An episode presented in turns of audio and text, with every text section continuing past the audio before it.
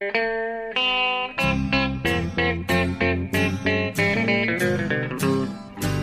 out there, we're on the air. It's hockey night tonight. Tension grows, the whistle blows, and the puck goes down the ice. The goalie jumps and the players bump, and the fans all go insane. Someone roars, Bobby scores at the good old hockey game. Oh, the good old hockey game is the best game you can name. And the best game you can name is the good old hockey game. Hallå, hallå, hallå, hallå, hallå allihopa! Då är det dags för NHL-podden igen. Det är avsnitt nummer 105 räknar vi till. Och jag säger varmt välkommen också till eh, Per Bjurman i New York. Läget? Jo tack, det är okej, okay, men som kanske hörs på min röst så är jag lite eh, förkyld. Det är den årliga Stanley Cup-förkylningen som alltid kommer när man reser för mycket, sover för lite, eh, stressar för mycket och så slänger in en annan Eh, ett annat party mitt i det. Ja. Eh, så, så säger eh, systemet ifrån till slut. Så nu har jag, först hade jag ont i halsen och sen var jag snuvig och hostig och nu har det satt sig på rösten. Ja. Men, luftrören just som. Men det går över. Det är ingen fara. Nej. Nej, du hade en bra jämförelse vill jag ändå säga inför podden. Att du, du tycker att du låter lite grann som Guy Boucher som jag tagit över Ottawa här nu. Så att, ja, jag har fått lite basröst jag har. Eh, men eh, vi ska väl kunna ta oss igenom det här ändå. Ja, ja. Det, det löser vi. Det, det är ju precis som eh, Guy Boucher säger. You gotta be relentless. Play hard. Ja, det är det som gäller. Ja, exakt. Det är, det är resilience. Det är liksom never give up. Så det, det, vi, får, vi får köta på här så gott det går. Men eh, vi kommer bland annat prata om, om lite sådana grejer. För att förutom att vi naturligtvis ska hugga ner och ta oss an alla slutspelserier och det faktum att vi vet vilka lag som kommer mötas i den östra konferensfinalen här. I natt när vi spelar in så möts Sharks och Predators i den avgörande kampen på den sidan om vilka som får möta Blues. Men eh, vi, vi måste ju börja, precis som förra veckan, med att konstatera att det har hänt en hel del annat för klubbar som inte är med och spelar längre. Eh, på deras, I deras front office och på tränarsidan och lite sådana grejer som, som vi inte bara kan låta gå obemärkt förbi här. Eh, Nej, precis precis som förra veckan känns det som att vi får börja med en viss... Eh, vad, är det, vad är det kallar han? Fridolf? Lille, Lille Fridolf? Lille Fridolf, är, ja. Är det, är det något som din generation inte känner till, den karaktären? Ja, det, jag vet inte vad det är för något. Det, det är en sån här svensk... Oh, det känns som en sån här grej som... Klassiker. ja, det känns som en sån grej som min eh, farsa brukar dra referenser om och så är jag inte riktigt med på noterna. Men... Åsa-Nisse, typ. Så. Ja, just det. Just det ja. Jag brukar köpa 91 till min farsa, då blir jag jätteglad. Ja, ja men är... Eh, Lille Fridolf från 91 är samma, samma grej lite. Ja, ja. ja. ja, ja i alla fall. Mm. Han behövde inte gå arbetslös länge. Nej. Eh, han fick sparken från Anaheim och precis som han fick sparken från Washington så, så hade han jobb direkt. Eh, det var ju, de slogs ju om honom kan man säga. Ja, det, precis. Bruce Boudreau alltså. Han, eh, det var ju som vi konstaterade förra veckan att det här är en... Dels så visste vi att efterfrågan skulle vara stekhet. Det här var ju den bästa tränaren på marknaden just nu när Anaheim faktiskt valde att göra sig av med honom. Ja. Eh, men, eh, och sen som han själv... Hans historia, sen han var 17 år så har han knappt gått arbetslös en enda dag nästan. Det, precis när han blev sparkad från Washington där för 5-6 år sedan så var det ju samma sak. Då var Anaheim där och högg han direkt. Ja. Och han kände ju själv att han, han, han vill inte vara arbetslös. Han, han blir rastlös då helt enkelt. Så han, han vill ha klart med jobb och han vill göra rätt för sig. Han vill inte gå runt... Ja, han hade fått lön då eftersom han fick sparken. Han hade år kvar på kontraktet. Men ja. både Calgary, Ottawa och Minnesota var ute efter honom. Eh, kanske någon till som inte har sparkat sin tränare än. Eh, men han eh, valde till slut Minnesota då, där han fick ett, ett fint kontrakt. Med, 3 miljoner dollar om året i fyra år. Ja. Och hamnar hos eh, Jonathan Ekelivs andra lag, Minnesota Wild. Ja, jag vet inte om jag, om jag vill påstå att de är det, men det har, har väl blivit så på, på det viset som jag har oförtjänt hyllat Minnesota i flera år, år i rad här. Utan att riktigt få någon eh, effekt på det på, på isen för dem. Deras skull så att säga. Men eh, ja, jag vet inte riktigt då, eh, om Alltså jag kan ju förstå hans val då, för dels så, så, så var det här det bästa budet rent ekonomiskt. Och Chuck Fletcher åkte, satte sig på ett plan till Kalifornien så fort han blev sparkad i princip. Ja, och inledde de, var väldigt, de var väldigt eager. Exakt, och inledde den här processen så fort han fick möjlighet att, att kunna prata med Bedrow. Liksom. Eh, och sen är det klart att av de här lagen så är ju Minnesota har väl det kanske bästa laget på pappret just nu. Och de har ändå ett antal raka år de har gått till slutspel. Och det finns pusselbitar där som är spännande och intriguing liksom. Eh, ja. Jämfört med till exempel Calgary och Ottawa som kanske har eh, lite mer projekt sådär. Men samtidigt vet jag inte om, om jag är helt... Eh, alltså det här är ju det svåraste uppgiften Boudreau har, känner jag, eh, att ta sig an. För att jag menar, i Washington hade han ett extremt bra lag på pappret med Ovechkin och Bäckström. Och den här typen av killar att luta sig mot som gjorde det extremt bra, i alla fall i grundserien. Och samma sak, Anaheim hade ju ett så komplett lag i år inte minst att både du och jag tippar dem som Stanley Cup-mästare. Mm. Nu har han ja, han har haft sådana eh, stjärnor där också i Getzlav och Perry. Exakt, exakt. Och, men nu har han ett lag som haft svårt, som spelar framförallt i den kanske tuffaste divisionen i NHL. Eh, de har en, en konstig eh, situation i laget vad gäller åldern på spelarna. Det är, det är de här eh, lite äldre killarna som fortfarande, som liksom borde fasas ut här snart, men som fortfarande ligger i toppen av interna poängligan som Koivu och Pomindul och, och sådär. Medan eh, Coil, eh, eller kanske framförallt Niederreiter, Zucker och de här killarna inte riktigt har, Granlund inte riktigt har klarat av att genomföra en generationsväxling fullt ut. Och de har inte så jättemycket prospects på gång heller underifrån som många andra lag. Till exempel Calgary och Ottawa. Så att eh, eh, jag vet inte om det här är, Men är så givet. Se. Den kanske kommer att spela helt annan slags hockey nu som passar dem bättre. För att det, mm. efter alla år av ganska tillknäppt eh, stil och image framförallt. Eh, ja. Så känns det som att Minnesota kanske eh, får en helt annan profil med Bruce Boudreau. Absolut. Eh, och det tror jag kan behövas där. Lite glamour. Ja, ja exakt. Ja, det, det, det, kan jag i och för sig hålla med dig om.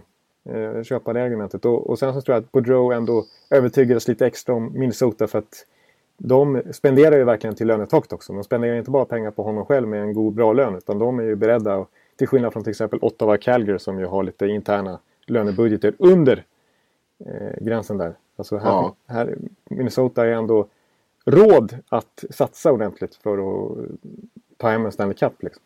Ja. Han sa ju själv på presskonferensen att han tror att det är rimligt att, att anta att Minnesota kan vara en contender. Alltså kan, kan ha sin första Stanley Cup-titel inom två år, sa han.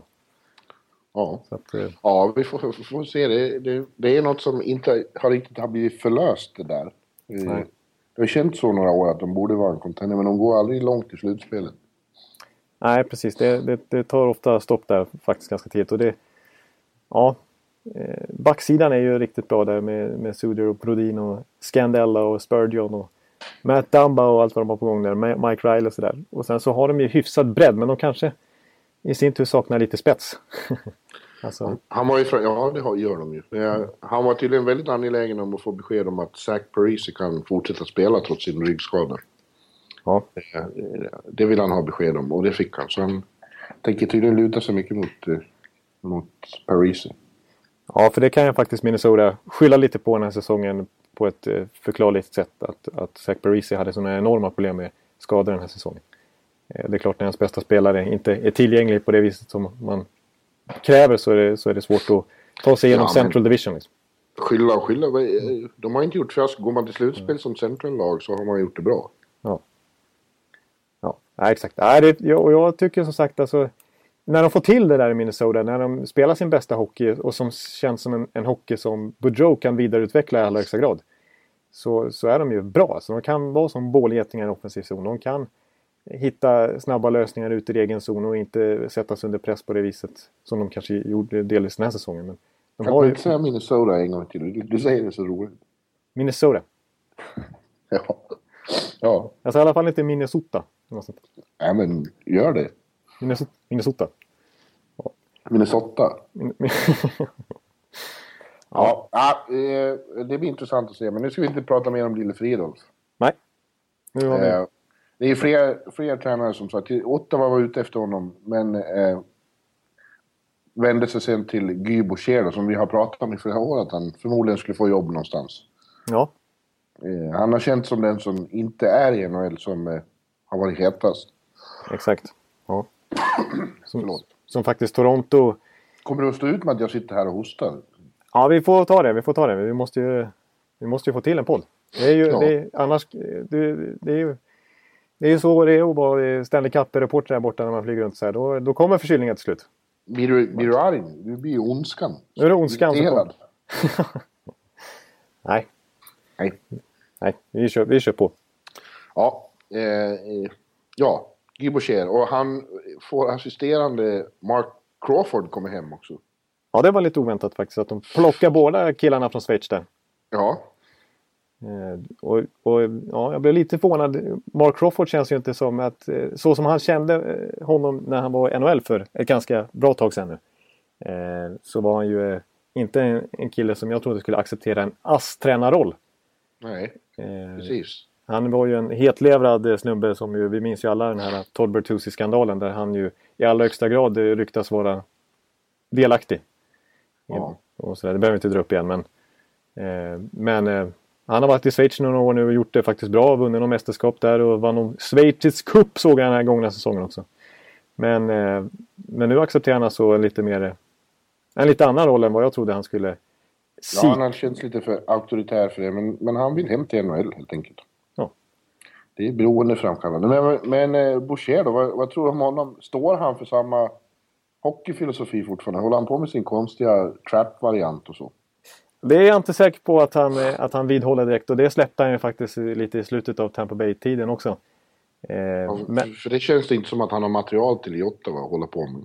nej, nej. Alltså, min uppfattning om Boucher det är ju att han är, att han är väldigt taktiskt intresserad och skicklig och han, han har ju mycket grepp och grejer för sig. Så, och han är väldigt strukturerad coach. Han är, när man pratar om system, you gotta stick to the system. Så här. Så det gäller verkligen i, i hans lag. Inte bara 1-3-1 utan överhuvudtaget.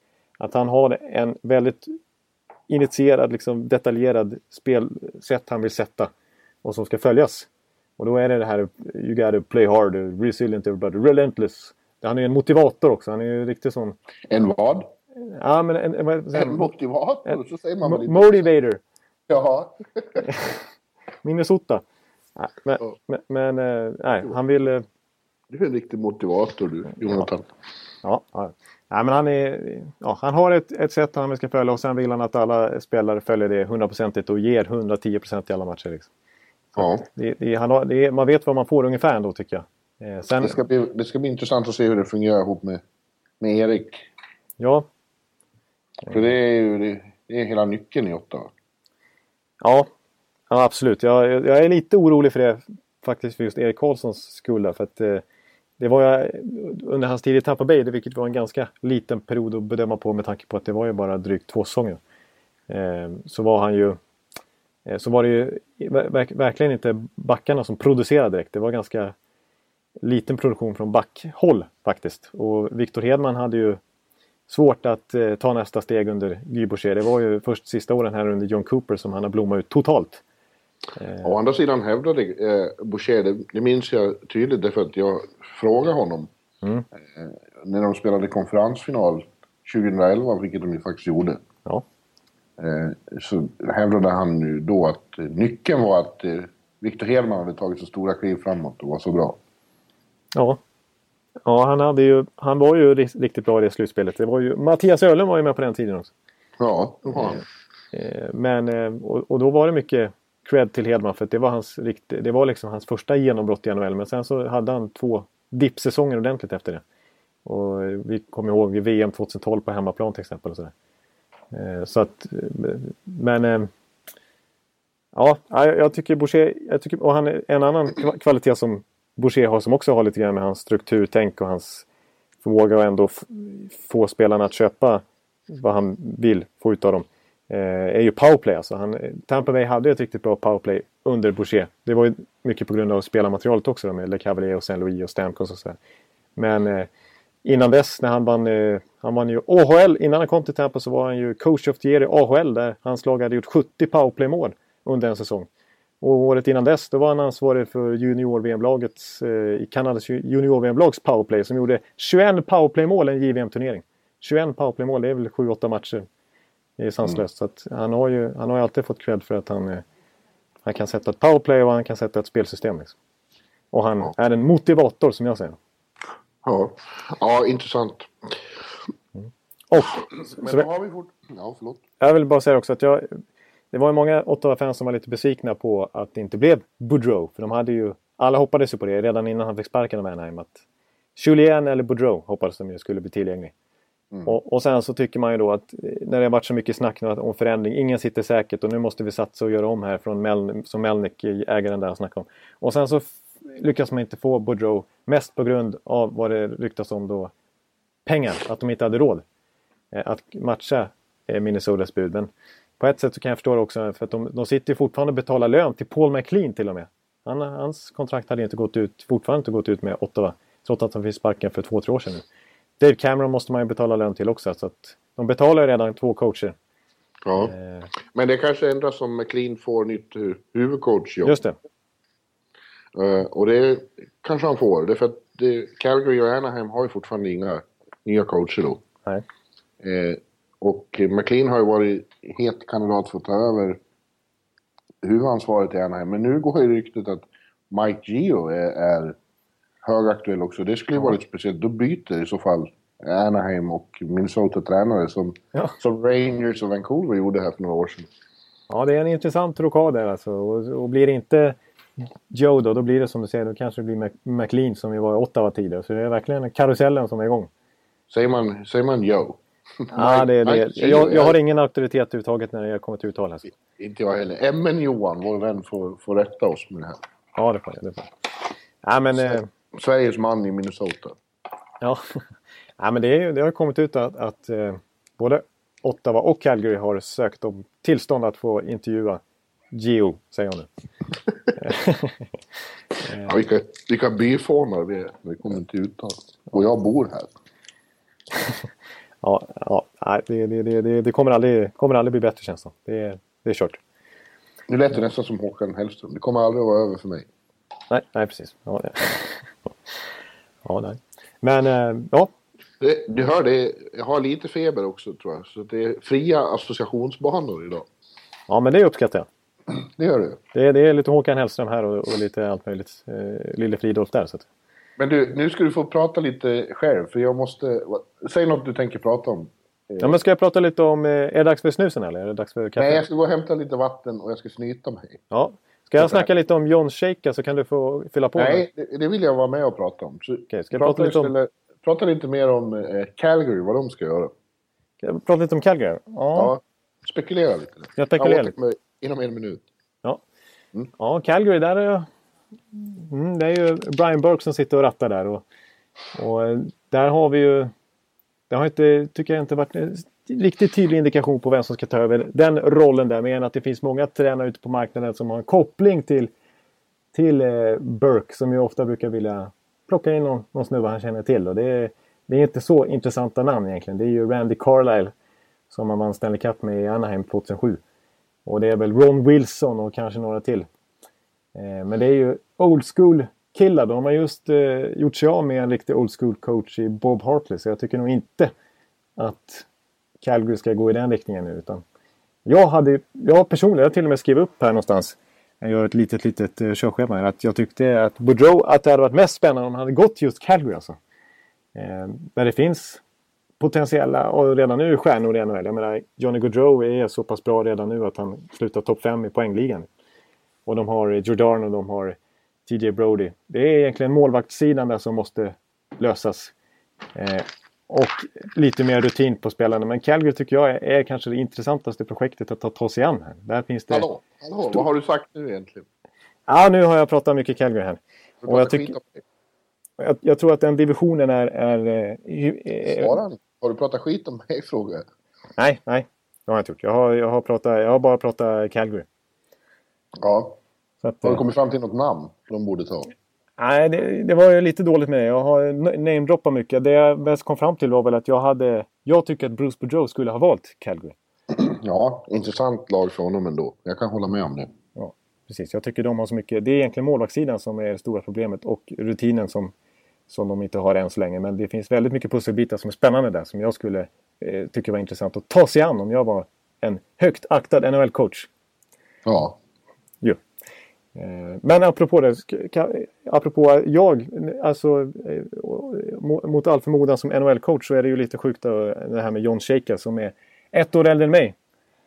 Och, eh, ja, som, han, han, har alltså blivit utsedd till ny GM i Arizona Coyotes. Ja. 26 år gammal. Ja, Bara ett år äldre än du. Det är en skrämmande tanke att du skulle få bli general manager någonstans. Ja, det skulle vara fullständigt livsfarligt alltså. Ja, men han, får, han är alltså en sån whiskid med eh, eh, advanced stats ja. från början. Men Exakt. har jobbat i organisationen och gjort så starkt intryck då så när, när Maloney nu fick sparken så, så får han det här jobbet. Och allt det där är ju spektakulärt. Tills man eh, läser lite mer mellan raderna så har det framgått att, att eh, det är Dave Tippett kommer att få ett oerhört mycket större inflytande i den nya organisationen. Ja. Exakt. om du har läst det? Jo, alltså, och det kan man ju tolka också med tanke på att han, han skriver alltså ett femårskontrakt gjorde han väl, Tippet. Det, det... Ja.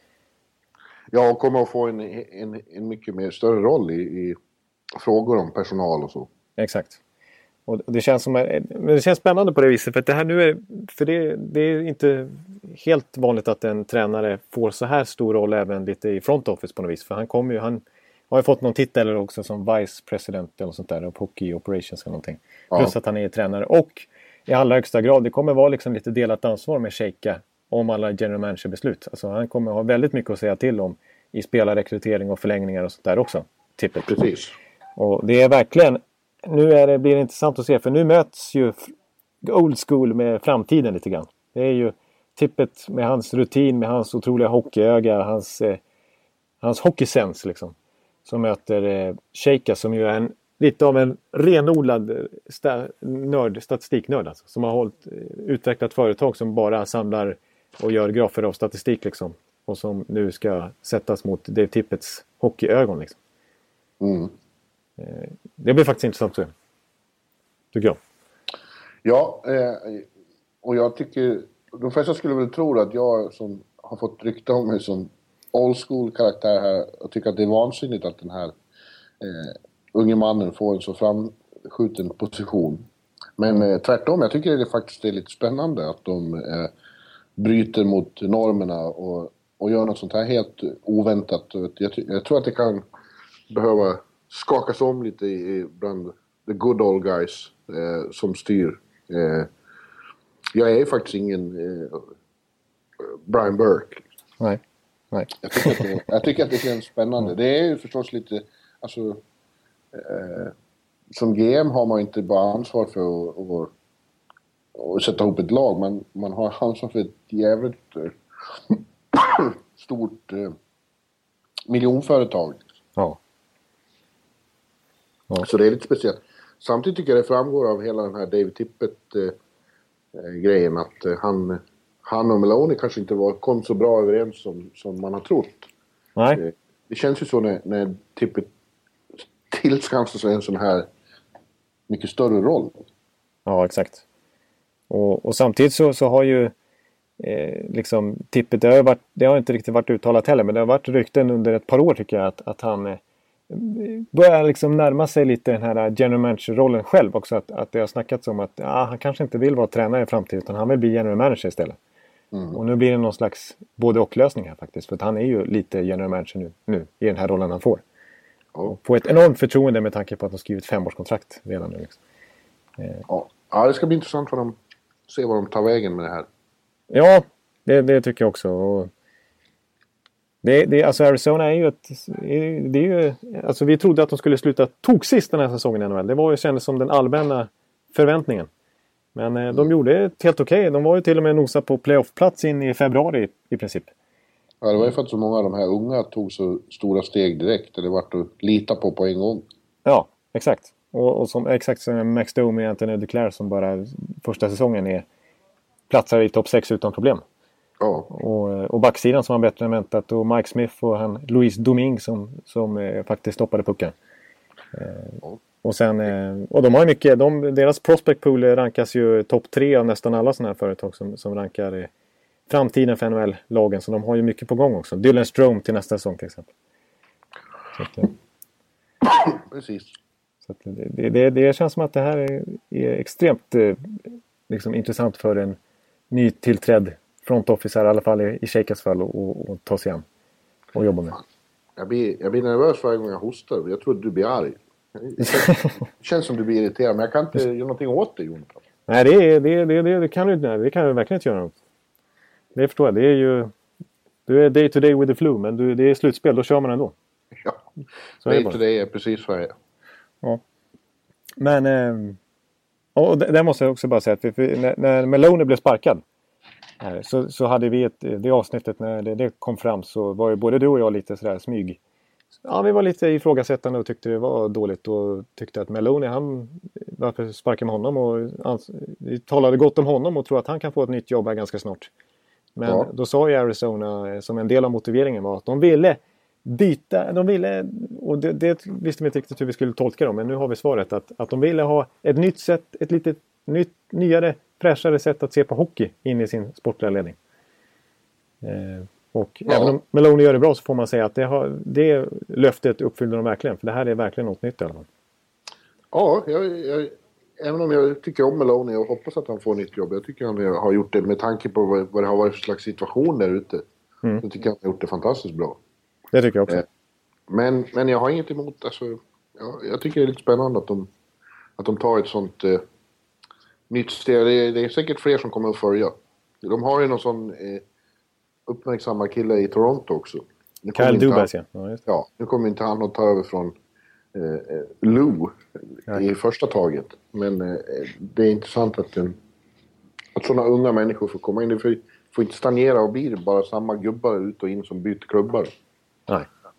Nej. Det här blir verkligen lite av ett test för att se hur, hur mycket man kan eh, påverka ett lagbygge genom att kolla på statistik och så här. Det blir lite mandomsprov för hela den här nya vågen av statistik. Med, med betoning på mandomstol. De, tänk om de skulle våga ta ett sånt steg så öppna dörrarna för lite kvinnor också i, i, i ledningen i, i den här grabbklubben. Ja, det finns inte eh, överflöd av, av den, på den fronten direkt. Det skulle vara intressant att eh, få liksom, annorlunda perspektiv. Jag tror på sånt. Ja, ja.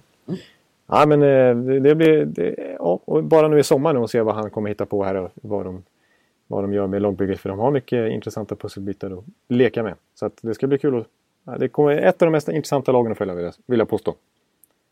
Kommer- Yes, Jonathan, men nu, nu Ja. ska vi ta oss an eh, det, det som pågår. Det, det, det infernaliska, enastående, otroligt underhållande som pågår. Jag har, jag har fått inte bara vanlig feber, jag har verkligen slutspelsfeber nu. Jag tycker Ja. det är fantastiskt att följa eh, när det drar ihop sig så här i, eh, som det har gjort nu i andra omgången. Exakt, det har det gjort på många håll och kanter. Vi har fortfarande en Game 7 kvar i natt när vi spelar in. När vi hade en alldeles nyligen. Och vi hade en mycket spännande Game 6 i Pittsburgh, Washington också. Så Ja, att det, är, det är infernaliskt som säger. Allt står på ja spel. de här matcherna som betyder så mycket. Alltså det, ja, det finns fan ingenting i världen som är lika eh, exalterande. Nej. och spännande att vara med om. Det är som hela, allting annat eh, försvinner. Eh, man får totalt fokus på det här. Ja, du, du lyckas ju klämma ur dig blogginlägg på 30 000 tecken med olika synonymer för hur laddad du är. Att, då, Ja, då finns det en hel del eh, laddning i kroppen så att säga. ja det gör det. Men Alltså, nu ska vi ju säga att du inte bara har laddat med hockey. Det häromkvällen när jag satt och försökte, försökte eh, koncentrera mig så regnade det in telefonsamtal och sms från en konferens utanför Stockholm där Youngblood eh, deltog. Och jag fick eh, meddelandet sluta med hockey nu, prata med oss. Ni hade fest efteråt, du och några ärrade veteraner. Ja, precis. Ty- Tyvärr eh, så var det inte all, full fokus på hockey just eh, den natten, det får jag konstatera. Det, eh, Den sportbladskonferensen var, var, handlade om lite annat, eh, framförallt framåt nattimmarna där. Mm. Eh, Så att jag har inte varit i, i mitt bästa, min bästa form här de sista timmarna. Men, Ja, eh, S-kvader bara står... ja, men nu, är, nu är jag tillbaka i alla fall. Ja, det där vill du inte prata om riktigt. Ja, det, Det sägs, att, det sägs att du till och med vaknade i en säng eh, med två eh, gamla rävar från Sportbladet-redaktionen. Ja, det, det, jag vet inte riktigt eh, hur det gick till. Jag vaknade med en märklig situation i, där jag, i mitt eh, i, sovrum där. Så, ja. Jag har inte, jag har inte, grejen är att jag, jag, jag, har inte så mycket att säga, tillägga om det heller. För jag kommer inte ihåg riktigt vad- hur det gick till på alla sätt. Ja, ja. En rookie-middag typ. en rookie-middag kan man konstatera att det var. Ja. Apropå rookie-middag så var jag här förra veckan i Nashville och gick åt på The Palm. Ja, just det. Där du verkligen åt din rookie-middag i NHL. Ja, där jag, exakt. Då var jag verkligen eh, släkt efter den middagen. Alltså. Ja, du hör. Eh, men det var lika trevligt nu. Jag hade en mycket angenäm kväll. Ja. Jag vill bara säga det. Jag tänkte på dig när jag var där. Får inte tala om hur mycket jag tänkte på när jag stod inne i Nashvilles omklädningsrum och såg klubbmärket. Ja, just det. Det stod jag och var nostalgisk och tänkte på. Du stod där och hela, hela Nashvilles backuppsättning började skrika åt dig. Ja, jag kan fortfarande vakna mitt i nätterna och se Shea Webber stå och skrika. Hans ögon ja. inspärrade. Du var helt tillintetgjord. Ja. ja. Och den, den snälla presschefen som, eh, som faktiskt var, var snäll där efteråt också men som eh, jag trodde inte han hade det i sig men han hade ju en, en blick där han kastade mot mig också. Så att, ja. men ja. Ett Ekeliv moment. Ja, ja, jag har lite att lära fortfarande. Men, yes. Ja, men du, nu, förlåt, nu vart det en utsvävning igen. Ja. Som inte liknar någonting. Ja, vi, vi har alltså tre serier klara, två serier. Mm. Vad säger jag? En serie klar, en ja. konferensfinal klar. Och eh, en blir klar också som du konstaterar. Men om vi börjar i öster så är det klart att det blir eh, Pittsburgh mot Tampa. Mm. Om vi börjar med Tampa då, de var klara först. Mm. Eh, de vann till slut med 4-1 mot Islanders och är nu alltså i konferensfinal på bara behövt spela 10 matcher. Ja, det, ha... det är ganska imponerande. Ja, det får man säga och det hade jag absolut inte trott eh, inför slutspel Och det vet ju alla som vet att, eh, hörde att jag tippade 4-2 till Detroit redan då. Jag tippade mot Tampa mot Islanders också. Eh, jag brukar i och för sig tippa mot Tampa då, men Eh, ja, det är, alltså med de här förutsättningarna med både Strålman och Stamkos borta. Och en väldigt ojämn säsong med mycket drama. Och väldigt eh, lite fokus faktiskt på det sportsliga. Eh, att de ska vara i konferensfinal efter tio matcher i slutspelet, det är ju... Det trodde jag inte att, de, att det fanns eh, i de där grabbarna faktiskt. Nej, nej. men eh, det gjorde det. Och de har ju faktiskt imponerat väldigt genom att spela... Eh, det finns ju de som hävdar att de till och med har spelat bättre slutspelshockey i år än i fjol. Mm. Och då var de som sensation i fjol. Trots de här skadorna då. Mm. Eh, jag tycker man kan bromsa lite. Även om eh, Detroit och New York Islanders har gått till slutspel eh, så har de inte bjudit riktigt eh, eh, så avancerat motstånd som andra har. Alltså, av de lag som nu går till konferenserna så är det Tampa som har haft klart lättaste resan. Det tror jag vi kan slå fast. Det kan jag definitivt skriva under på. Mm. Eh, även om de eh, tidvis alltså... Dels har Bishop imponerat. Dels har ju eh, offensiven emellanåt varit lika sensationellt explosiv som i fjol med Kucherov i, i förgrunden. Ja. Och så har Victor Hedman som har fått tag i rena rama Duncan Keith-ansvaret. Återigen var det fantastiskt. Det känns som Victor ju längre de går i slutspelet, desto bättre blir de. Ja, det blir bara mer och mer uppenbart för, för varje match i slutspelet som går egentligen. Ja. Eh, och det är bara att konstatera. Till och med en sån som Matt Martin som ju tacklar mest i hela NHL och är bland de jobbigaste spelarna att möta. Till och med han sa ju efter när de åkte ut där Islanders att eh, ja, det är bara att lyfta på hatten åt Hedman. Han är skitjobbig att möta. Han är så stor han har sån, men ändå sån enorm skridskoåkning. Han täcker ju hela isen när han är ute på, på plan i princip. Ja. Eh, så att han gav ju en enormt stor eloge faktiskt till Hedman. Det gjorde även Capuano, tränaren där. Så. Eh, och vi minns ju alla hur, han, hur det var förra året när Patrick Kane sa samma sak. Trots att Chicago vann Stanley Cup så var ju Kane så att det var, det var inget kul att möta Hedman. Nej, men det är också i ögonfallande att han har ju varit bra under grundserien också men inte lika liksom spektakulärt bra Nej. som han blir så fort det blir slutspel. Nej. Men det, och det där är ju en jävla bra egenskap. Det är nu man ska vara Exakt. som bäst. Exakt, det där är verkligen något att lyfta fram. Eh, plus att jag tycker det är, det är kul att se alltså, nu under slutspel också för att John Cooper, jag gillar ju egentligen inte att det är inte riktigt hans stil att gå så mycket på enskilda spelare. Han gillar ju bredd, han gillar ju att fördela minuterna. Men nu med Strålmans skada har han varit mer eller mindre varit tvungen att ge Hedman i, upp mot 30 minuter per match. Så han är ju inte i närheten av det i grundserien. Då kan ju Hedman i vissa matcher nästan vara under 20 minuter bara för att han vill fördela speltiden så jämnt mellan backparen. Men nu när Hedman faktiskt får spela så där mycket så blir han ju så uppenbart extra tydligt hur, hur viktig och dominant han är. Och hur bra han är. Och en back växer ju också med, med speltid och, och förtroende. Förstås. Ja. Och nu verkar det som att eh, Anton kommer tillbaka då. Han har börjat träna på riktigt och det skulle förvåna om han inte spelar första matchen på fredag då. Det tror jag att han gör faktiskt. Och han har ju delvis på de här träningarna parat ihop med Hedman igen också. Ja. Vilket ju tyder lite på att eh, nu är det dags att återförena dem. När det vankas konferensfinal. Och Stamkos eh, eh, är också lite på gång. Och när, man, när jag har pratat med Viktor redan innan slutspelet började så var ju beskedet att eh, de hade svetsats samman av det som har hänt och, och gett sig tusan på att de ska gå så långt så både Anton och Stammer kan vara med igen. Ja. Får spela slutspel. Ja, exakt. Det var det precis. Det har du, nämnde du i podden också att, att eh, de har sagt till det. Liksom. Det, det, har de, det ansvaret har de eh, löst. Men nu är de ja, i princip där. Så. Ja. Annars, annars men... vill jag säga med, med Tampa Bay också bara och MVP-aktigt som man nästan måste nämna Hedman här så tycker jag ändå att den viktigaste spelaren som gjort att Tampa vunnit i bara tio matcher. De hade aldrig gjort det utan Ben Bishop. Nej, skulle, det skulle jag också säga. Han har ju, han har ju stulit vissa matcher. Ja. Eh, alltså till exempel den, den tredje matchen, eh, den första bortamatchen uppe i Brooklyn. Då tyckte Islanders var otroligt bra. De, de, det var nästan det var utspelning faktiskt långa stunder i den matchen. Eh, ja. Men det var, och, och det blev alltså 5-4 till Tappa i, i förlängning. Men alltså, och trots det tyckte jag Ben Bishop var bästa spelaren i laget trots att han släppte in fyra mål.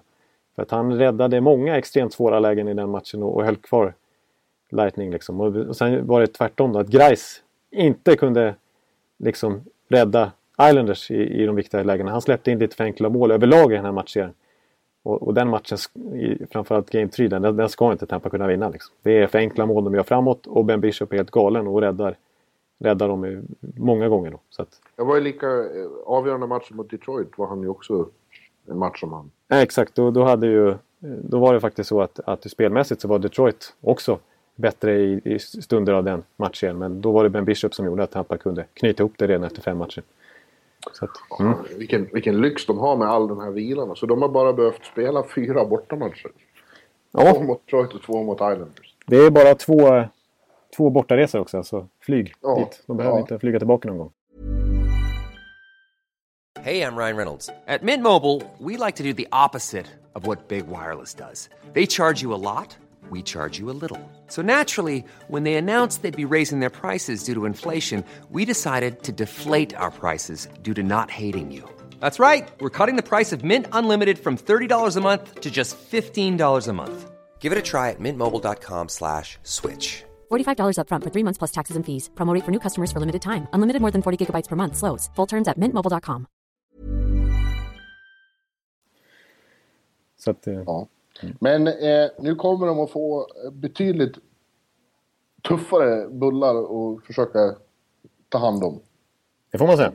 Det är jag säker på. Uttryck. Ja, det kommer, att bli, det kommer att bli jävligt mycket svårare i konferensfinalen. För där stöter de på ett Pittsburgh som känns nästan predestinerade. Oh, eh, jag gillar uttryck. Gå, ja, eh, och gå hela vägen. Ja.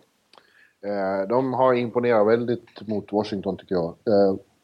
De vann ju till slut med 4-2 då och Washington åker ännu en gång ut i andra omgången.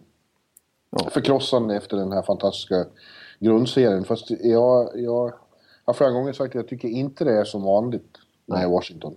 De har inte vikit ner sig, de har inte eh, tappat några ledningar, de har inte låtit bli och, och, och och liksom döda serien när de har haft chansen som det har varit så många gånger förut. De, har, de bara stötte på en, en motståndare som var bättre. Exakt, jag håller helt med dig. För att jag, när vi previewar slutspelen också så tror jag till och med vi sa så här att om inte med tanke på den extrema grundserien och det här lagbygget som känns komplett under en lönetaksera liksom. Så, så känns det som att om inte Washington tar hem öst åtminstone så är det ett fiasko. Men eh, men jag har svårt att kalla det ett riktigt, riktigt fiasko här för att de mötte ett lag som är extremt bra och som är formstarkast 2016 i hela ligan. Ja. Som, som var bättre och det var inte för att Washington vek ner sig som du säger utan det var, det var Pittsburgh som var bättre. Ja. Och det är inte så, alltså... Eh, Pittsburghs offensiv är ju. Alltså de har tre kedjor som är livsfarliga och, och när man ska matcha mot dem så kan man ta bort... Tar man bort Crosby-kedjan och Malkin-kedjan, ja då dyker plötsligt Hagelin, Bonin och Phil Kessel upp. Det, det, det, och det var ju de som avgjorde den här serien. Helt ja. makalösa i, i den avgörande sjätte matchen. Ja. Gjorde alla mål. Ja. Inklusive eh, avgörandet. 30 poäng i slutspelet har de där killarna gjort på 12 matcher.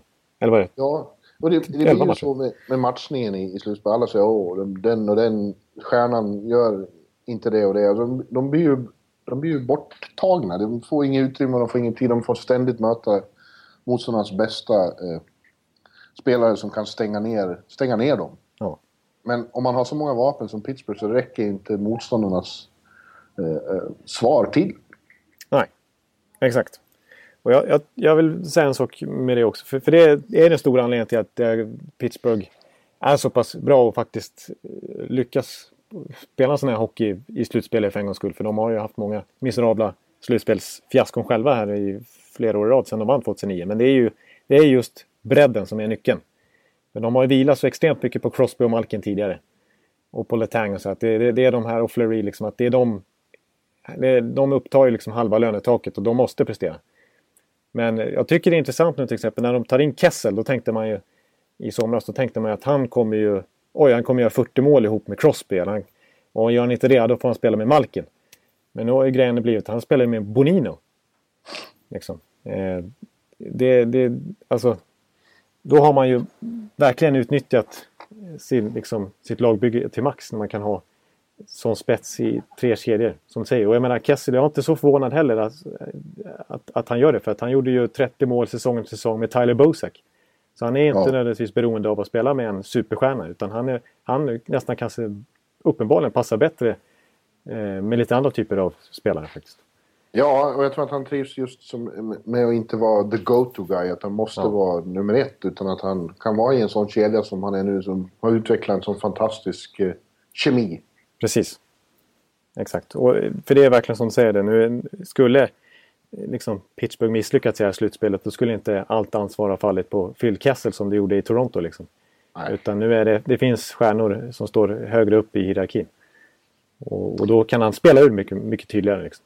Spela ut. Hela den där kedjan får ju också ses som general manager Rutherfords eh, triumf. Alltså, samtliga tre killar har han knutit till sig inom loppet av de senaste tio månaderna. Ja, just det. Eh, och de har blivit som braksuccé. Ja. eh, väldigt speciellt.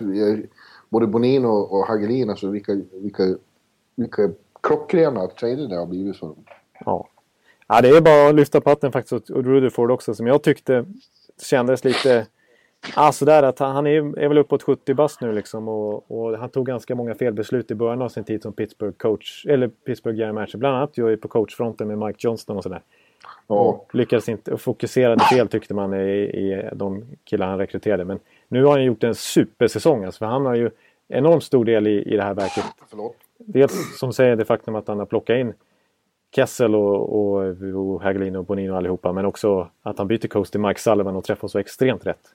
Ja, Sullivan har varit grym. Och, och, och, även eh, Daly får ju sägas ha varit fynd. Ja, verkliligen.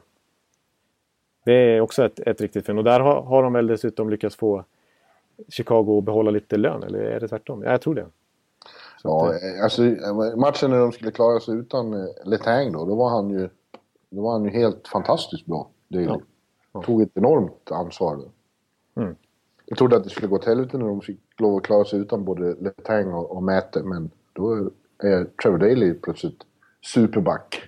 Ja. ja, det är faktiskt, det måste man lyfta fram. Och sen måste man ju naturligtvis, och det har varit en storyline hela slutspelet här, men det faktum att Matt Murray ja. har ställts mot Henke Lundqvist i första rundan och sen mot Braden Holtby, Vessina-vinnare med all sannolikhet och kanske Hart-nominerad till och med.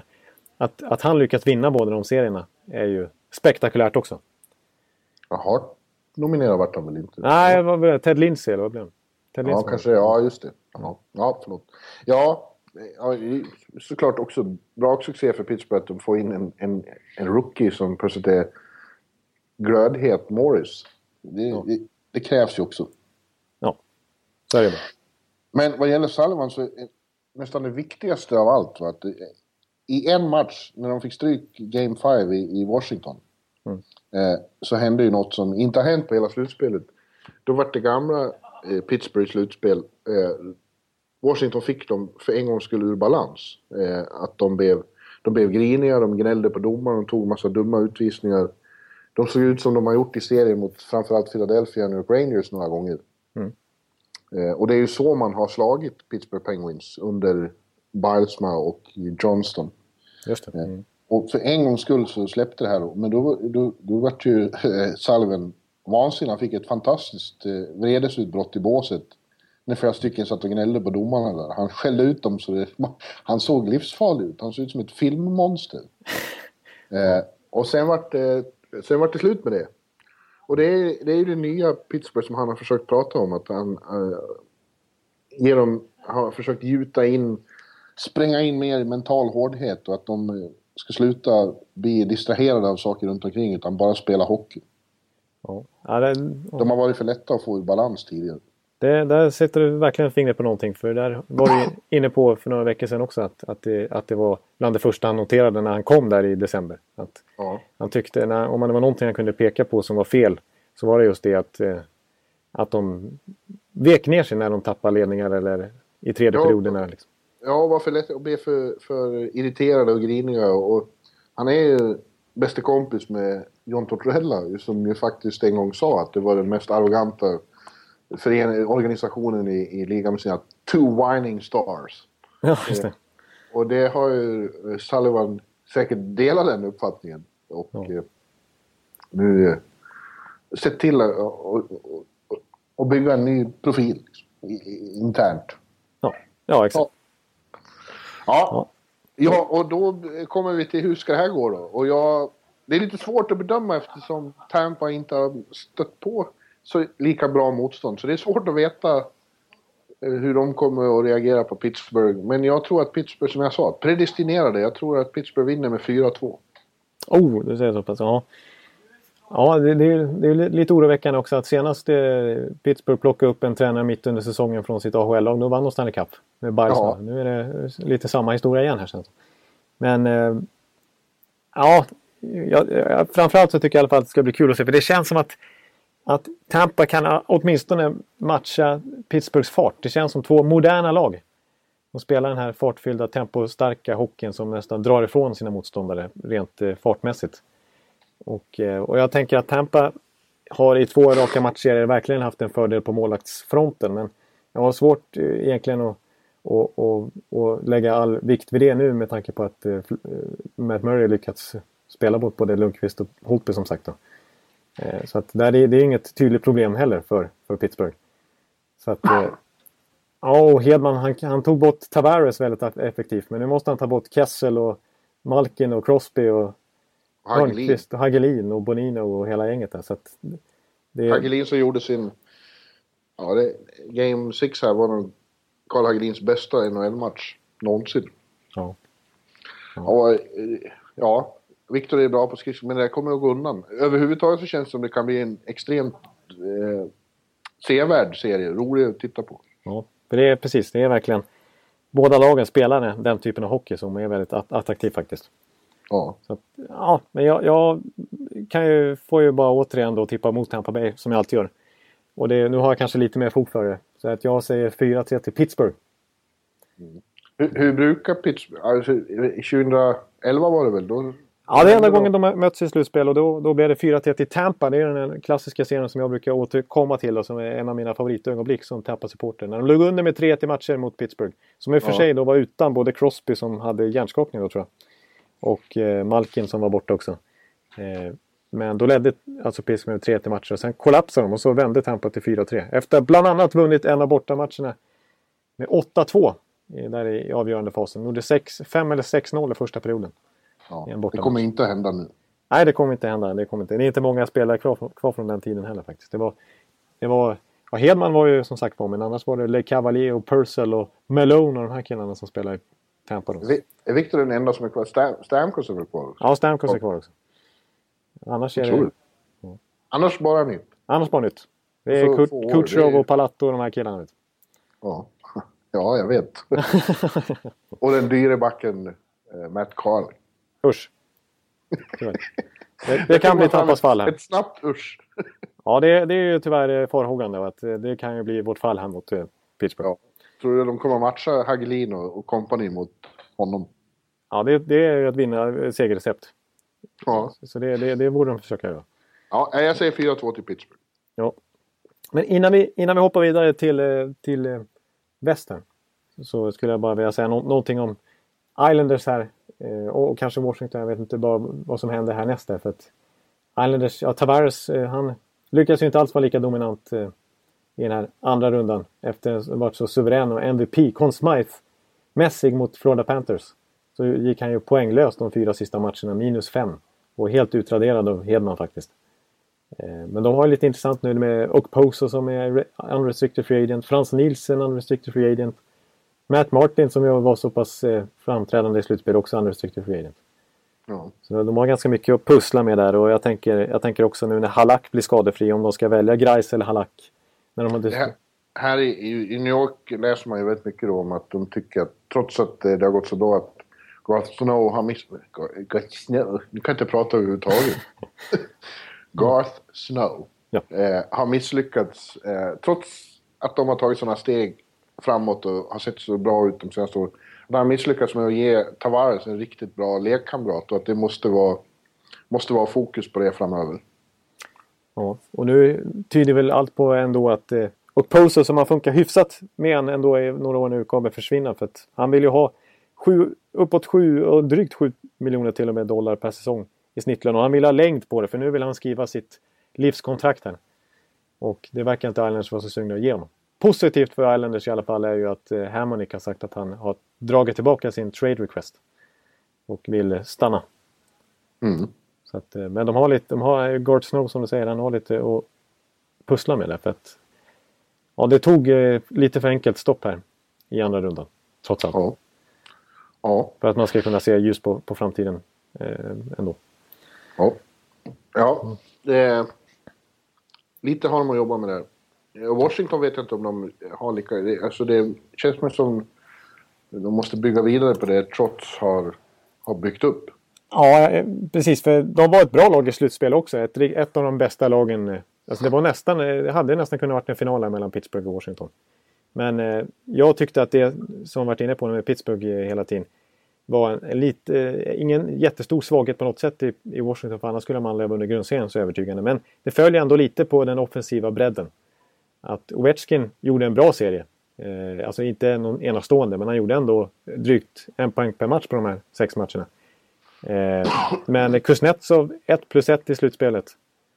Och eh, ja, det, det, det, var inte så mycket secondary scoring att tala om. Eh, T.D. Oshie gjorde ett extremt bra slutspel. Justin Williams klev ju fram i några viktiga matcher och gjorde mål och, och Niklas Bäckström gjorde ett bra slutspel. Men eh, ja, det var lite, till skillnad från Pittsburgh så, så hade de svårt att få in mål från Chimera och Beagle och Mike Richards gjorde ju inte en enda poäng i slutspelet. Och de här killarna, jag menar Matt Cullen och till och med Kunak och de här gjorde ju mål för Pittsburgh. Så att, ja. det, det, var ändå bredden till slut som, som blev lite Eh, man kan inte skylla det här slutspelsuttåget på Ovechkin som man brukar göra. Absolut inte. Det tycker jag inte. Utan det var bredden som, som, var, som, som Pittsburgh eh, tog sig vidare på.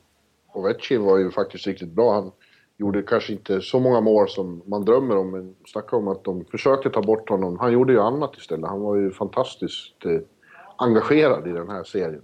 Ja. Tacklades och, och backcheckade och stod i. Och, och, liksom, och ändå så gjorde han... Alltså där de där powerplay-målen han får in, när alla vet vad som ska hända, det har vi pratat om många gånger. Ja. Han står där han står och så bara smäller Han gör ju några sådana mål ändå liksom. ja. Så att, eh, nej, Ovechkin eh, finns det ingen som helst. Han ska inte falla någon skugga över honom utan det var eh, det var the supporting cast som hade behövt steppa upp på samma sätt som Pittsburghs gjorde. Tycker jag. Det är om jag ska hitta något att skylla på för, så, som, som ändå inte räckte för Washington här. Så säger jag. Ska, ja. vi, ska vi dra till västern? Way Out West. Ja. Ja, där har, fick vi en serie avslutad då eh, när vi... Natten innan vi spelade in det här. Eh, mm. När St. Louis Blues krossade Dallas på bortaplan i Game 7. Som antagligen är den minst intressanta Game 7 jag har sett. Ja. Eh, sen jag flyttade hit. Det var ju avgjort efter en period. Ja, exakt. Och, och två, bara två tredjedelar av publiken satt kvar eh, när eh, halva matchen återstod i princip. Ja, eh, en bit in i andra så hade alltså St. Louis ledning med 5-0. Ja. Och eh, det var ju synd om Dallas för att eh, det handlade ju om att eh, ja, den här målvaktssituationen. Eh, det vart en crash and burn eh, ärende för, för Jim Neal till slut. Kari Lehtonen var eh, inte beredd på Game 7 och var otroligt darrig i knäna. Så allting gick in ett tag. Ja, och, trots, och, och han släppte in tre mål, eller egentligen fyra mål för det var ju en, en Ja, offside där. precis. Så det var ju ett katastrofmål att släppa in eh, också så som det tillkom egentligen.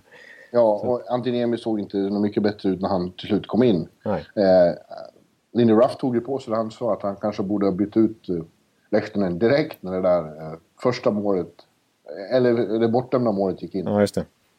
Eh, för att alla kände ju då, jaha, det är en sån här kväll Lehtonen har. Han är ju speciell alltså, han är ju en stor talang och han gjorde två bra matcher innan den där. Exakt. Men jag, jag skrev i bloggen, nu tror de alltså att Lehtonen ska göra tre, matcher, tre bra matcher i rad. Eh, hoppas de har varit i, i någon av Dallas megakyrkor och bett. För att han är ju så... eh, Ex, ojämnheten är ju hans själva signum. Ja, verkligen. Eh, Så man vet att det kommer en platt match rätt vad det är. Och det var ju det sämsta tänkbara tillfälle den skulle komma. Ja, exakt. Nej, han var ju helt eh, bedrövligt usel faktiskt. Ja, det är Mm. tråkigt. Eh, Men ja, om vi, om vi ska koncentrera oss på det så är det ju... Det var en chansning av Jim Nill att ha den här situationen med två, två första målisar som skulle alternera. Och dyra också. De, Ja, ja. Det är dyraste målvaktssituationen i hela NHL. Ja, Eh, och det har inte funkat. Liksom. Han får lov att, att äta det här och köpa ut någon och ta, ta pengarna som det kommer att kosta. ja det är ju nästan det enda valet för det är ingen som kommer vilja träda till sig. Nej, Bå- nej. Båda, lagen har ju, båda målvakterna har ju två år kvar dessutom. Och Ja. har hiskelig lön. Alltså, jag menar, Niemi har 4,5 miljoner per säsong i capita och, och alltså, Lehtonen är ju nästan uppe på 6 miljoner i capita. Så att det är enorma lönepost, löneposter. Så att, han- det är ju bara att köpa, det är ju det som gäller, tyvärr alltså. Det hjälper ju inte att Dallas inte har någon eh, särskilt avancerad defensiv struktur heller. Nej, exakt. Eh, jag pratade med Patrik Berglund efter den här matchen igår. Jag var tvungen att fråga om det, om de liksom kände att de kan utnyttja det här. Att han är darrig. Och det var ju, svaret var ju ja. Mm. ja vi, pratade om det. Vi måste skjuta ur alla vinklar och vrår hela tiden. Ja. Eh, och han drog ju själv in ett väldigt enkelt mål från långt utifrån. Exakt. Lehtonen är helt borta. Och det där målet som Ja. Tarasenko gjorde som blev bortdömt också. Det visar också det är bara att kasta in pucken så kan det hända vad som helst. Tråkigt tycker jag. Eh, alltså inte att St. Louis går vidare tycker jag inte alls är tråkigt. Det har de gjort sig förtjänta av. Men det var tråkigt att det varit en sån meningslös Game 7 Ja. att titta på. Och, tråkigt för att, Dallas skulle få ett sånt trist slut på en säsong som har varit liksom så eh, underhållande och bra på så många sätt. Eh, de har ju sp- spelat fantastisk hockey emellanåt. Ja visst. Exakt. Men å andra sidan, löser de bara den här situationen med målvakterna så kommer ju Dallas att få många, många, många fler chanser med det här laget. Exakt. Och de tar en contender som eh, St. Louis till en Game 7 utan Tyler Seguin i hela matchserien. Ja, ja det ska man ju komma ihåg. Han var borta. Det var, jag har inte fått något riktigt svar på vad som var fel med honom, men eh, det måste ju vara allvarligt som han inte kunde spela. Nej, precis. Eh, så att, eh, ja, ja, ja, jag håller med dig på, på många sätt. Och det, för jag, ska man analysera så här hit och dit, man kan ju säga att, att St. Louis bredd också var avgörande. Som, som, som, som vi varit inne på med både Tampa och Pittsburgh nu. Liksom, att det är ofta där det faller tillbaka på. Spetsen måste vara bra, men bredden måste också vara väldigt bra. Men i, ja, trots det så tycker jag nog i den här Game 7 så är det inte så mycket att peka på åt det andra eller ena hållet. Det handlar mest om målvaktsspelet. Det, är lite paradoxalt då att, att Brian Elliott som har varit så... Som man har klagat på så många gånger. Och som Ja. tjänar eh, hälften av vad Antiniemi tjänar. Ja, Att han eh, är så pass bra som han var i sista matchen också. Han la ju ett ägg i, match 6 men, men annars har han gjort ett fantastiskt bra slutspel. Eh, ja. Och om vi ska prata om, om St. Louis så... vilken... Vilken... Ja, jag tjatade i bloggen igår om Redemption. Eh, de har ju verkligen nu skrivit om sin historia. De har gjort det som Washington inte gjorde. De tog sig förbi andra rundan mm. och är nu i konferensfinal för första gången för den här generationens bluesmän. Ja. Eh, och det går inte att säga något annat de, de, de var ju extremt bra samtidigt i den här Game 7. Lugna, eh, säkra, mm. inte alls för, alls, alls för upphetsade utan bara gjorde det de skulle och bara helt beslutsamt i 60 minuter. Ja, det är, precis. För det är allt annat vad St. Louis har stått för tidigare. liksom. ja, alltså den typen exakt. av karaktärsdrag. Och man såg ju bilder innan matchen när de stod och eh, spelade lite boll där i, i, i katakomberna. Liksom. Och så eh, garva och spela lite. Var totalt avslappnade inför en Game 7 på bortaplan. Liksom. Det ja. känns som att det, det, är något, det är en helt annan harmoni i den där truppen just nu. Ja, och de har eh, för första gången då under den här senaste eran, under Hitchcock-eran, en målvakt som är riktigt bra i slutspelet.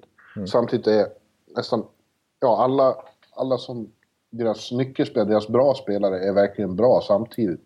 Ja. Eh, Backis har, har växt ut till något enormt i det här slutspelet. Ja. Eh, sten eh, pålitlig, men, men backarna, alltså, eh, Bowmister och Pietrangelo var ju helt makalösa igår. Ja.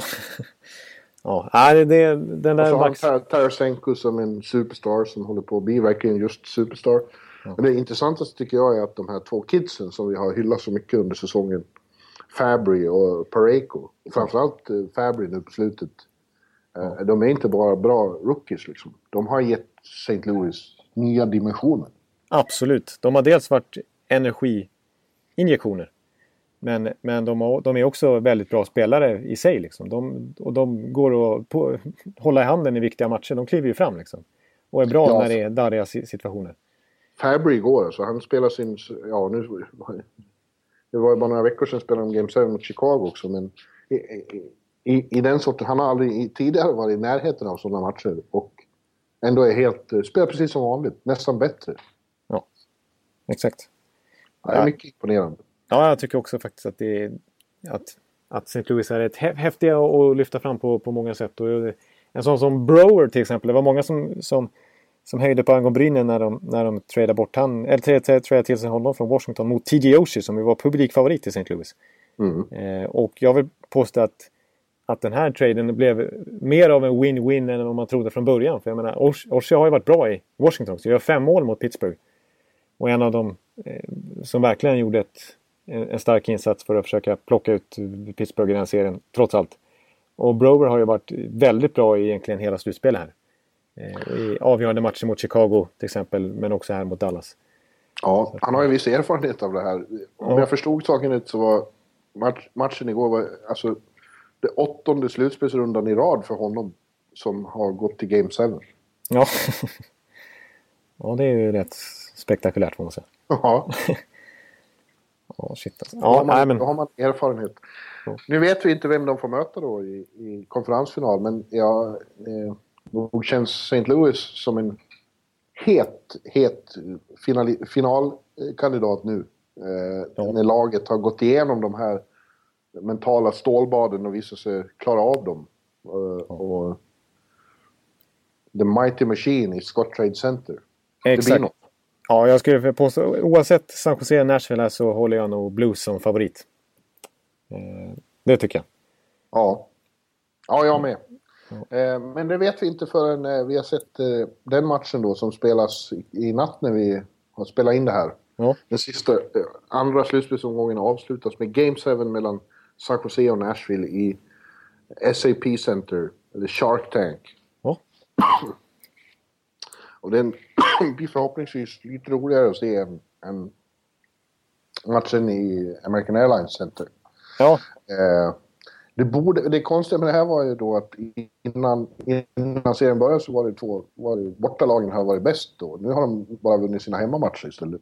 Ja, det är ju typiskt det här med sport som man inte förstår sig på. Att det går liksom inte riktigt att förutse saker och ting. Utan, för det var ju något som jag snackade om, eh, kommer ihåg då, att eh, det här är ju lag som verkligen är grymma på bortaplan och har jättesvårt eh, inför hemmafansen att få till sitt spel. Men nu har det varit precis tvärtom. Det är 6-0 i hemmamatcher hittills. Ja. Och 3-3 matcher. Och det talar ju då för San Jose. Likaså det faktum att de har vunnit eh, hyggligt klart flera gånger på hemmaplan. Medan ja. eh, Nashville han tvingar sig till segrar, två övertidssegrar på hemmaplan. Precis, och var illa ute i match 6 när de kvitterade i sista perioden. Där. Ja. Men samtidigt har man ju då, eh, har det visat sig att, att Nashville har kackerlacks egenskaper. Ja. De går inte att få bort. Nej.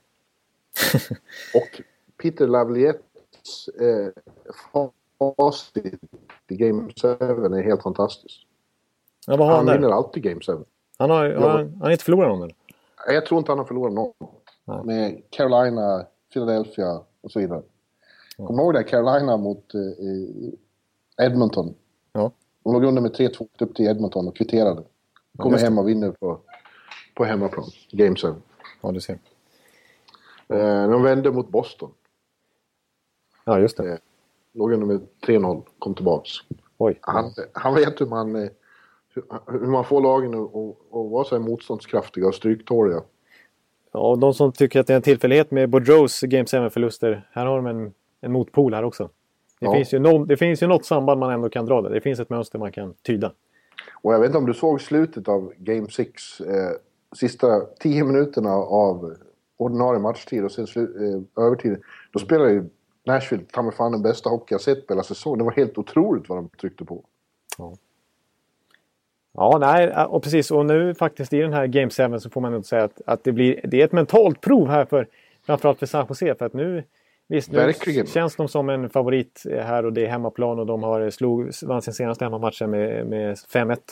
Men, men nu kommer Nashville in med extremt mycket energi. De har överlevt igen. Och ja. de är underdog i den här matchen.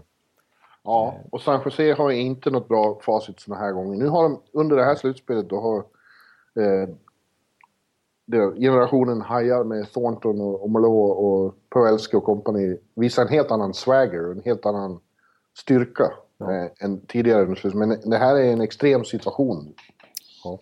Och det ska bli väldigt intressant att se hur de reagerar på det och hur...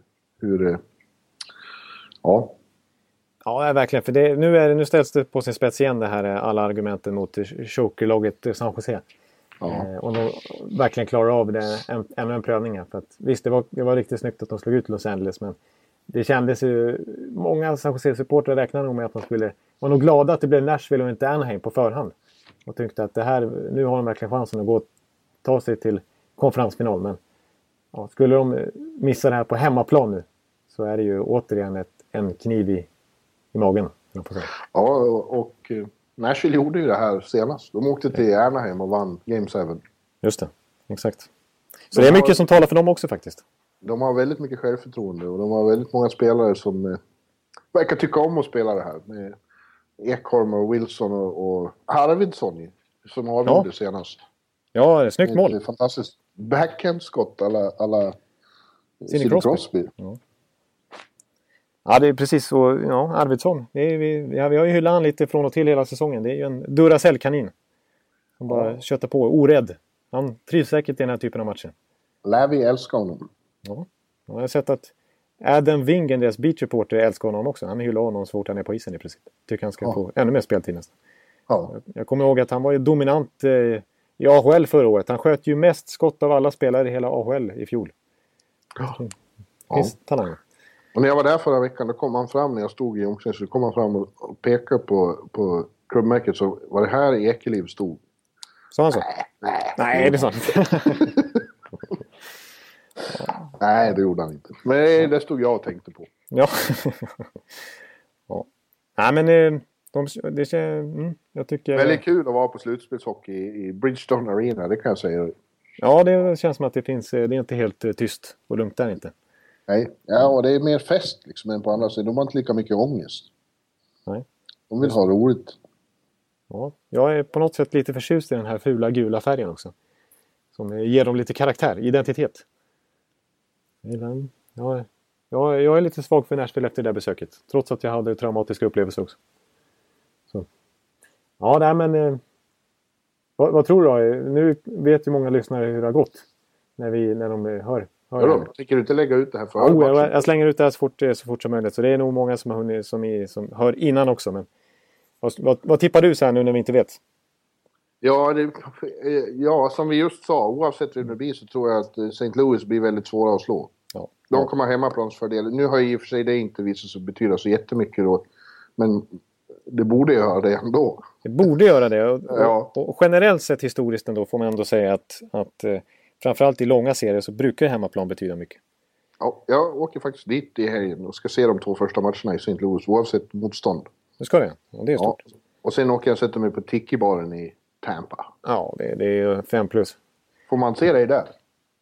Ja, alltså jag har... Nu är det så att eh, Jan Jo- Johansson, vår admi- administrativa chef, jag har mycket diskussioner med honom. Han tokhejar på Pittsburgh Penguins helt plötsligt. Jag vet inte riktigt varför. Men, eh, vi får se om jag, om jag lyckas. Eh, jag måste ju... Jag får väl... Han gör det för att du ska vara kvar hemma. Ja, precis. Det, det, det, det kommer ju E- EM-slutspel här och sånt här när det behövs lite eh, liksom, bemanningskraft på redaktionen. Men, eh, blir, det, blir det final så, så sitter jag ju på Tiki-baren. här. Kan det börja EM då egentligen? Ja, när det är det är 10 juni eller något sånt där. Så det, Ja, men du kan komma nu under konferensfinalen när de ändå åker ut. Hoppa. Och så kan du åka hem och jobba dygnet runt sen på EM. ja, just det. Jag tänker så. ja. Ja. Ja. Nej, jag, blir ju extremt lockad här alltså. Vad heter sportbaren där som var så bra i Tampa? Eh, det vet jag ju. Den är Hattricks. Det. Ja, den är också trevlig. Ja, och så har ju hela downtown har ju blivit mycket trevligare nu sen Jeff Winnick tog över och har köpt upp området och, och rustat upp och snyggat till. Ja. Att, Ja, jag tycker du ska komma. ja. Du, en sak som jag tänkte nämna. eh, Men ja, ja Blues vinner. Eh, Jag säger 4-2 eller 4-3. Oavsett. Ja, Ja, precis. vad säger du? Eh, ja, jag, sa ju, jag säger så här att inför den här serien mellan Nashville och San Jose så tippade jag att Nashville skulle vinna Game 7 på bortaplan. Oj, Eh, Så att nu måste jag stå fast vid det. Jag har haft väldigt mycket fel i det här slutspelet hittills. Så att jag, men jag måste försöka fortsätta ändå gå efter magkänslan. Eh, Så att, och jag säger att det blir Nashville St. Louis då. Ja. Eh, Och jag, som jag också varit inne på så tror jag St. Louis är det starkaste laget. Och jag, jag ser det här som en oerhörd chans för St. Louis att vinna Stanley Cup överhuvudtaget. Alltså. Och det måste vi bara nämna också att vare sig det blir St. Louis, Nashville eller San Jose som går till final så har ju inget av lagen vunnit Stanley Cup tidigare. Så det är ett... Det är, det, ja, nej, det är jättekul. från västsidan är det verkligen rookiesar i sammanhanget. Ja, att- ja det, är, det är bara... Ja. Det är så kul att det blir så många nya spelare som ska spela Stanley Cup-final. Eh, Ja. Mycket, mycket spännande. Ja. Eh, jag tänkte innan vi avslutar, jag vill eh, nämna en sak. Svenska fans Mm. har ju nu inlett sin eh, Guldskölden-omröstning om Ja. eh, sportjournalistik. Och bland annat så, kan man då rösta på bästa podden. Oh, Och jag tänkte bara säga att eh, om det är så att läsarna tycker om någon särskild podd, eller Ja. lyssnarna tycker om någon särskild podd så, så gör det ju ingenting om de går in och röstar på den. Jag bara, I, I, I'm just saying. you, you, you just saying that. Ja, ja, Svenskafans.com, Guldskölden, go ahead. Ja exakt. Ni, ni har det. Fri vilja Ja, att att göra vad de vill. Kan det mö- möjligtvis vara så att man kan eh, rösta på den bästa bloggen också kanske? nej. Det kan man inte göra i år. kategorin. Men däremot så kan man rösta på hockeyjournalist eller eh, fotbollsjournalist. Så hockeyjournalist, yeah, I don't know. Det finns ju, finns ju alternativ där också så att säga. Ja. Ja, ja men eh, bra. Då, eh, då eh, får väl... Jag tycker du klarar det med bravur ändå. Här. Du har varit eh, hostigt och, och eh, lite Guy Boucher-röst men eh, vi tog oss över en timme. Och har fortfarande rösten i behåll i alla fall.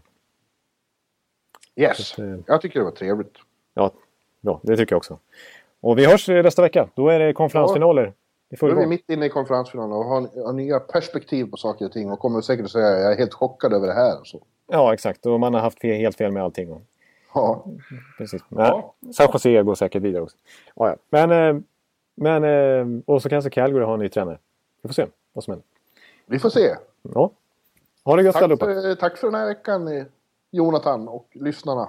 Ja, tack detsamma. Och jag tänkte vi eh, låter er eh, avsluta med, med en liten sång här. En gammal klassiker från One Two Punch och So For More Slump när eh, Victor Norén klippte ihop min gamla Guy Boucher-imitation. Tillsammans. Och det är detta ihopslaget med mitt uttal av Dan Labråten. Ja, Just det. Den, fantastiskt. den Ja. remixen kommer här nu. Ja, vi ses nästa vecka. Hörs! Japp. Hej! hej.